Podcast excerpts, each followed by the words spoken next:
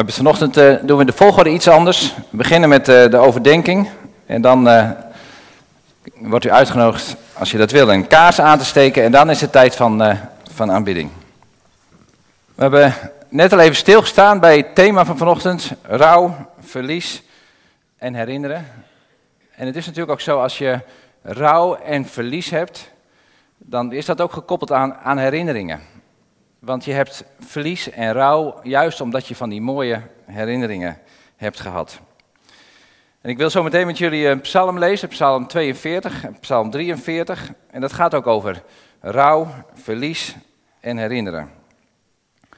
En we zijn uh, gewend om dat ieder jaar daar aandacht aan te besteden bij ons hier uh, in de gemeente. Vanuit het kerkelijk jaar is het heel vaak in de, in de PKN-gemeente, waar ik vorige week was in de Oase. Daar wordt het aan het eind van het kerkelijk jaar gedaan. En wij hebben gezegd, wij doen het in het, de zondag daarna, zodat je ook alle ruimte hebt om de zondag daarvoor naar een andere dienst te gaan, om daar uh, te gedenken. Dus vandaar wij op eerste advent zitten. Wat eigenlijk ook wel weer heel mooi, mooi is, dat dan het licht ook aangestoken wordt.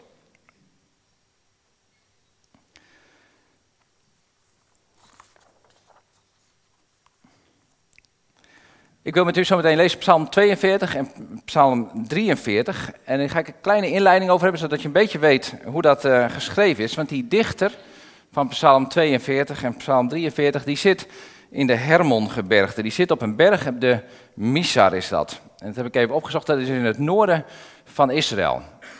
En uh, de schrijver, de dichter van die Psalm 42 en die van Psalm 43, die is zanger geweest in de tempel. En dat was in Jeruzalem. En daar gaat zijn rouw over, daar gaat zijn verlies ook over. Dus hij zit in het noorden van Israël en hij kijkt terug op de tijd dat hij in de tempel was. En hij was, een, een, hij was onderdeel van het muziekteam, zou, je kunnen zeggen, in de tempel. Dus hij, zijn werk was om muziek te maken, om liederen te maken in de tempel. En steeds in die tempel te zijn bij de aanwezigheid van God. En daar is hij nu heel ver vandaan. Hij kan niet zomaar even heen en weer, hij zit daar vast, hij zit daar op een, op een plek en hij heeft een groot verlangen om weer terug te gaan naar Jeruzalem. Om weer terug te gaan naar die tempel, om die liederen weer te maken en in Gods aanwezigheid weer te zijn. En daar begint die psalm ook mee. Als een hert dat verlangt naar water, zo verlangt hij in Gods aanwezigheid te zijn. En dan denk ik, ja, als dat hert net al water heeft gehad, dan heeft hij misschien ook, dan valt het nog wel mee. Maar in de volgende vers staat dat hij heeft dorst naar God. Dus het hert heeft een hele tijd geen water gehad, heeft gewandeld door het bos en heeft heel veel behoefte aan water. Dat is zijn verlangen om weer te zijn bij die plek waar God is. En hij wil er niet in zijn, hij wil er ook nog hem ontmoeten. Daar begint die psalm mee. En nu zit hij daar, boven in, Jeruzalem, boven in Israël, op die wat te stille plek in Jeruzalem. En hij heeft heimwee naar de plek waar hij vroeger was, naar Jeruzalem. En de mensen om hem heen die roepen, waar is dan jouw God? En hij denkt steeds maar weer terug aan die tijd, hoe goed het was in die tempel. Laten we Psalm 42 lezen en ik zeg ook 43 daarbij. Want als je daar wat op nazoekt, dan zeggen heel veel commentatoren, eigenlijk is het één psalm. Psalm 42 en 43 hoort eigenlijk bij elkaar. Dus de vraag is waarom ze het ook bij elkaar gedaan, eh, los van elkaar gemaakt hebben. Daar heb ik geen antwoord op. Misschien wel dat je dan op 149 kwam met die psalmen, dat weet ik niet. Dus we lezen ze allebei. En je zal ook zien dat het gewoon in elkaar overgaat. Psalm 42 en 43. Ik lees hem vooruit de nieuwe Bijbelvertaling.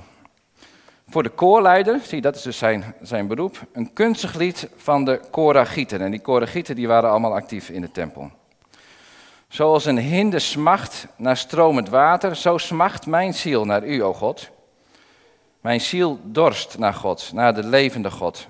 Wanneer mag ik nader komen en voor God verschijnen? Tranen zijn mijn brood, bij dag en bij nacht. Want heel de dag hoor ik zeggen, waar is dan je God? Weemoed vervult mijn ziel, nu ik mij herinner hoe ik meeliep in een dichte stoet en optrok naar het huis van God. Een feestende menigte, juichend en lovend. Wat ben je bedroefd, mijn ziel, en onrustig in mij. Vestig je hoop op God. Eens zal ik hem weer loven, mijn God die mij ziet en redt.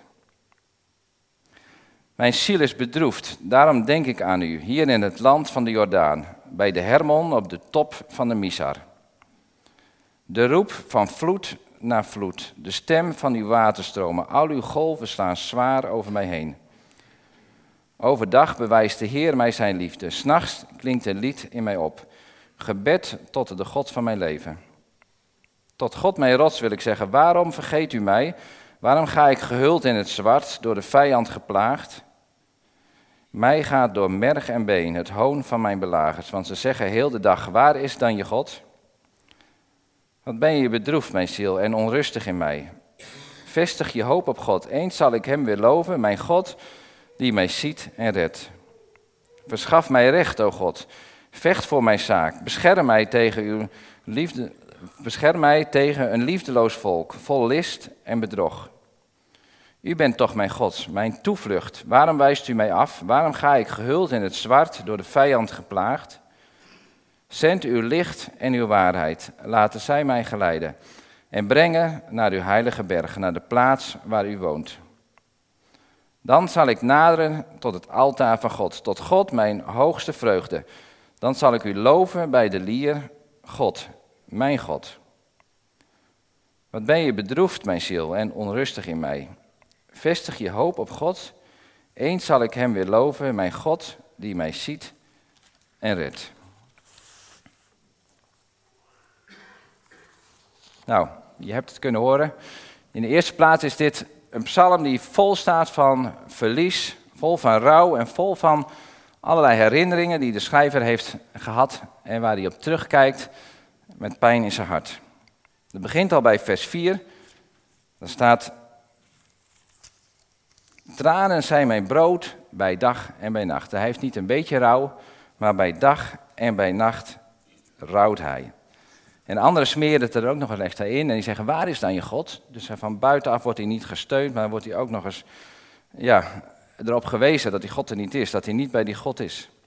En weemoed vervult zijn ziel, dat is vers 5. Hij heeft, pijn heeft hij als hij terugdenkt aan hoe het vroeger was. Weemoed vervult mijn ziel. En dan heeft hij die herinnering en komt naar boven hoe geweldig het was om op te trekken naar het huis van God. Dat het een feestende menigte was en dat ze juichend en lovend waren. En dan komt het pijn weer naar boven in vers 6. Wat ben je bedroefd, mijn ziel? Hij is zo bedroefd en hij is zo verdrietig.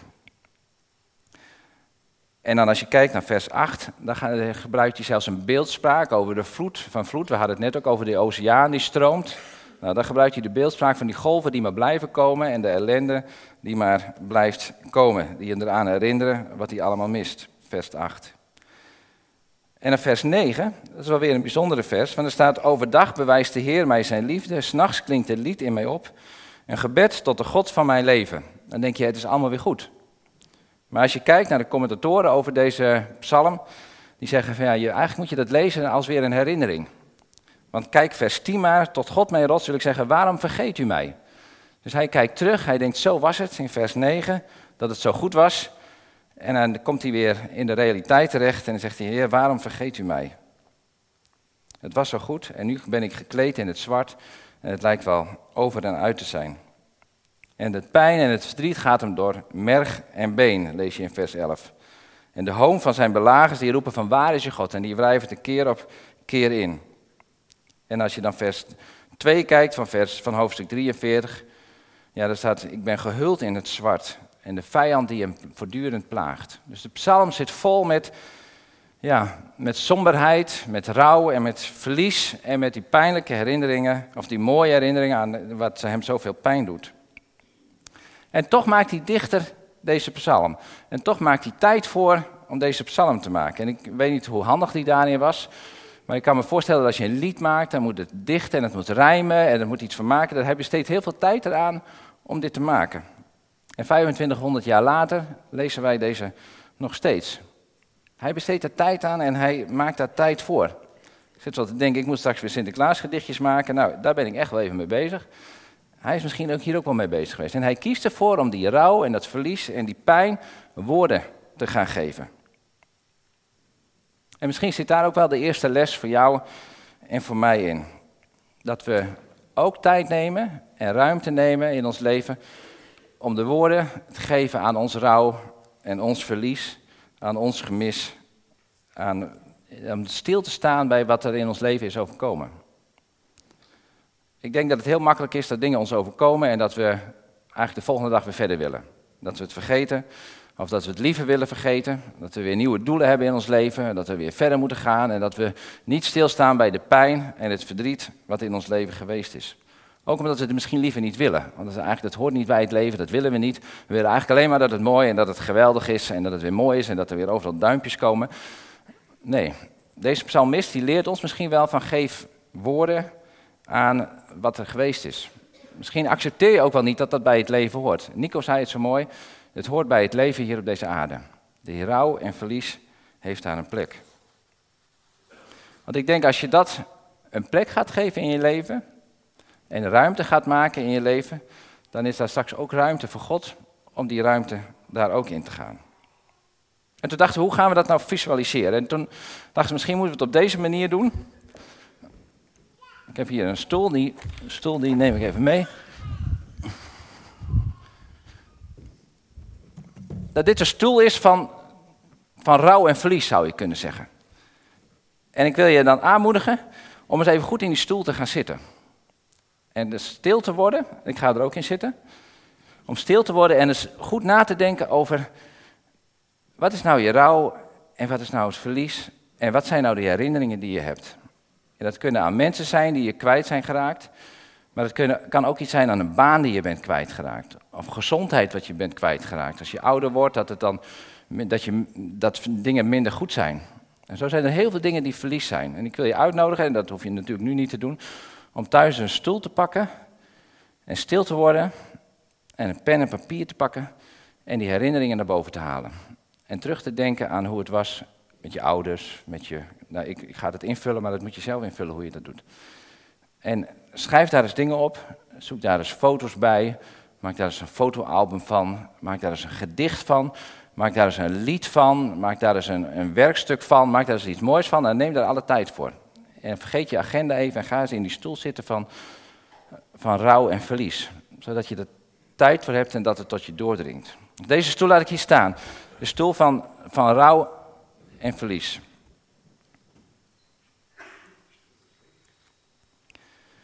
Ik merkte zelf ook, tenminste, ik, ik, mijn, uh, mijn moeder is een uh, aantal weken geleden overleden. En in de voorbereiding van dit helpt je dat dan ook om daar wat meer beeld bij te krijgen. En ik merkte zelf ook hoe makkelijk het er weer is om in je werk weer uh, al die mailtjes die zich hebben opgestapeld in de weken dat je er niet was, om daar heel veel snel en druk mee bezig te gaan. En hoe goed het eigenlijk is om er weer over te praten. Sommige mensen die kunnen dat heel goed, die vragen dan aan je hoe is het en hoe was het met je moeder. En dan merk ik dat ik het mooi vind om daar juist over te praten, om die herinneringen weer naar boven te halen. Dus we kunnen elkaar daar ook bij helpen, om de anderen te vragen van hé, hey, hoe was het? En hoe zit je erin? En de ene is daar wat handiger in dan de andere, de een kan dat wat beter woorden geven dan de andere. Maar ik merk wel hoe mooi het is om dat, daar tijd voor te nemen en dat te gaan doen. Nou, dat doet deze psalmdichter, die heeft daar een hele psalm over geschreven. Nou, dat als eerste. Maar als je goed hebt meegelezen in deze psalm en goed hebt gezien welke tekst ik eruit haalde, dan kwam je er ook achter dat ik iets heb overgeslagen. Want je hebt het perspectief van het rouw en verlies. Maar je kan er eigenlijk ook nog een, dat ga ik ook doen, een tweede stoel naast zetten. En dat is het andere perspectief in deze psalm.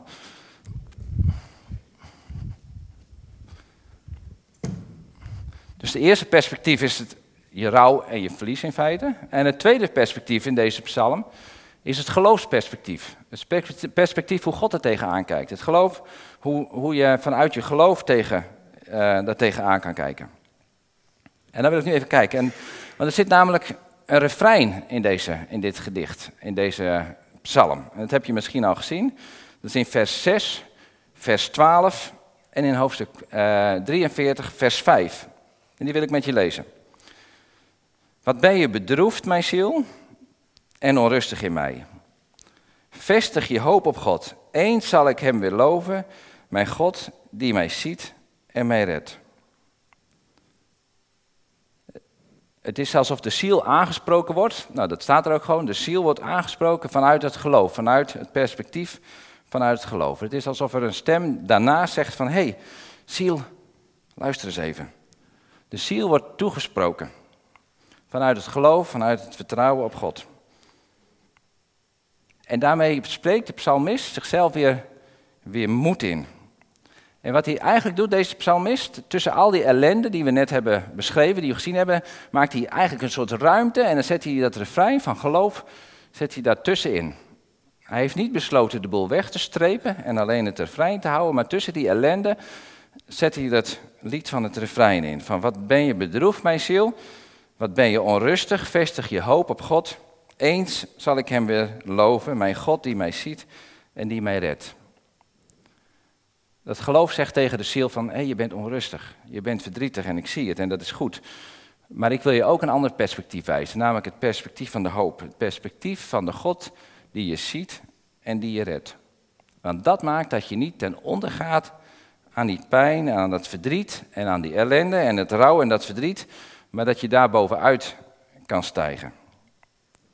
En dat is het refrein wat zich drie keer herhaalt. En als je goed door die psalm heen kijkt, dan zie je dus de ellende, het verlangen en dan het refrein. En dan, dan komen die golven hè, met nog meer ellende komt erop af. En dan voelt hij zich al helemaal alleen gelaten en is hij in het rouw. En dan komt weer dat refrein. En dan slaat, eigenlijk, slaat het ook een beetje om. Want dan gaat die dichter die gaat tot God spreken. Dat deed hij voor die tijd nauwelijks. Dan sprak hij over God en over hoe het allemaal was. Maar dan gaat hij tot God spreken. En dan zegt hij, waarom wijst u me af? Waarom ga ik gehuld in zwart? Heer, verschaf recht. U bent toch mijn God, u bent mijn toevlucht. Zend uw licht en uw waarheid. En hij gaat het contact met God vinden. Dus door dat refrein vindt hij het contact weer met God. En gaat hij tegen God praten. En dat is niet alleen maar mooi. Dat is ook, Heer, waarom zet u mij, zet u mij in die ellende? Waarom wijst u mij af? Het zijn niet alleen maar gelovende woorden, maar het is ook de ellende waar die in zit die bij God brengt.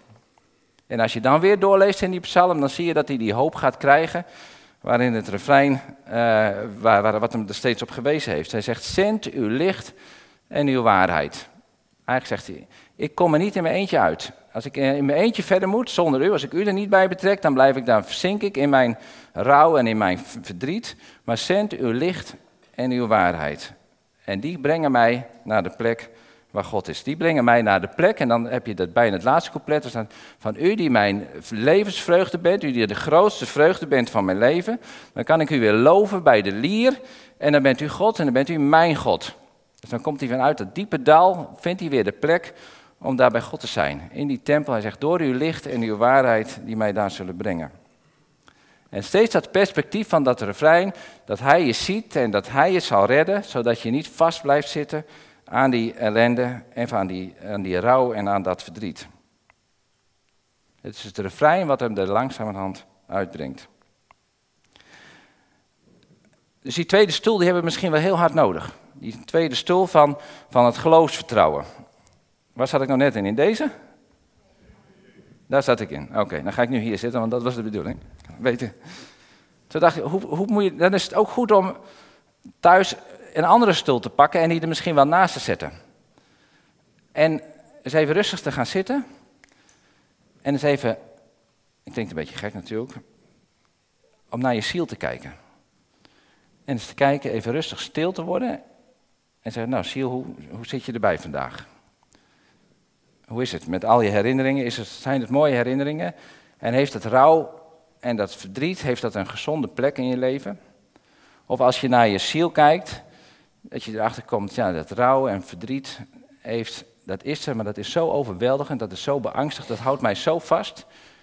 Dat je een psalm nodig hebt, dat je een, een refrein nodig hebt, dat je woorden nodig hebt om weer van geloof te kunnen spreken. En dat je je eigen refrein gaat maken in het leven. Dat je ruimte gaat maken tussen al je verdriet en je pijn. Dat je een refrein gaat maken. Een refrein van, van geloof. Van geloofsbeleidenis. Van vertrouwen. En dat kunnen die woorden zijn van Psalm 42 en 43, dat refrein. Van de God die je rust wil geven, die je ziet en die je redt. Maar misschien zijn het ook wel hele andere woorden. En daar heb je gedichtjes gemaakt en heb je mooie herinneringen en heb je je pijn en je verdriet opgeschreven. En misschien kun je in deze stoel thuis wel zitten en een eigen refrein maken. En misschien ook een gedicht. Of ook uh, foto's van vroeger. Of, uh, wat heb ik hier staan, een playlist met mooie liederen. Waar je zegt, dat, dat spreekt mij, dat helpt mij om geloof te vinden. Of misschien ga je een schilderij maken. Of misschien ga je hele andere dingen doen. Wat het refrein uitbeeldt, wat je, wat je, wat je uh, het geloof geeft. Wat je vertrouwen geeft om verder te gaan. Dus je hebt de mooie herinneringen, je hebt de pijn die daarbij hoort. En daartussendoor hang je dan het schilderij of het liedjes van het geloofsvertrouwen. Net als deze psalm 42 doet.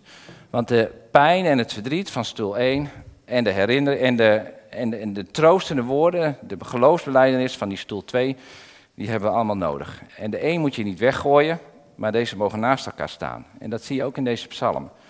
Zowel het verdriet heeft een plek, als uh, de rouw heeft een plek, de mooie herinneringen hebben plek, als ook het geloofsvertrouwen. Want het is niet zo dat de omstandigheden zomaar ineens veranderen. Het is niet zo dat het rouw allemaal weg is, dat de ellende in ons leven weggaat. Nee, dat zal blijven komen. Net als die golven, waar blijft het stromen? Dat zal er blijven. Maar het is de, de, de kunst van het leven, samen met God, om daar het refrein tussen te zetten. En het geloofsvertrouwen te maken. Ik moest ook denken aan mijn moeder. Inderdaad, toen zij te horen had gekregen dat ze nog een half jaar of nog iets langer te leven had, toen uh, uh, ging zij ook door met het refrein wat ze steeds in haar leven deed. En dat was iedere ochtend lezen uit een dagboekje, een bijbeltekst met een beschrijving daarbij en een gebed daarbij. En dan ging ze mee door met het refrein. En het mooie was dat ze al een paar keer tegen ons gezegd heeft, wat spreekt mij dat in het bijzonder aan? Misschien juist nu wel in deze moeilijke tijd, dat die woorden, die tekst, die bijbeltekst en het gebed eronder haar heel bijzonder aansprak en extra kracht gaf om door te gaan. En dat zei ze niet alleen tegen ons, maar ik was met haar bij de arts. En toen zei ze tegen die arts ook, maar ik heb mijn geloof en dat geeft mij kracht.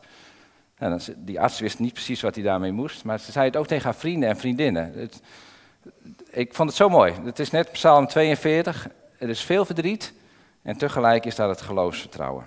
Nou, dat wens ik jou ook toe, dat wens ik jullie ook toe, om dat een plek te vinden. Om een refrein te vinden in je leven waarin uh, wat afgewisseld wordt met de moeilijkheden. Dus je zou eigenlijk die stoelen moeten hebben. En toen dachten we, uh, we geven jullie een stoel mee ter herinnering aan deze dienst. We geven je twee stoelen mee. Dus we hebben stoelen gekocht. Nou was het budget een beetje laag. Maar hebben we twee stoelen. En nu eh, willen jullie twee stoelen geven. Dus je, het mandje wordt doorgegeven. En dan mag je twee stoelen uithalen. En als het zover kan, zou ik zeggen, doe twee kleuren. Want dan kan je ook herinnerd worden aan, aan uh, dat het twee verschillende stoelen zijn. En zet hem thuis op de schoorsteenmantel als je die nog hebt. Of in een kast, of weet ik wat voor plek. Zodat je af en toe herinnerd wordt aan die twee stoelen. En aan het moment om misschien wel eventjes in die ene stoel te zitten. Of even later in de andere stoel te zitten. Nou, die worden nu doorgegeven en dan uh, er is voor iedereen zijn er twee stoelen beschikbaar. Dus dan wacht even dat iedereen een stoel heeft en dan. Uh, het is ook goed om stil te zijn, hè? Ja, dat vind ik moeilijk, dus daarom ga ik praten.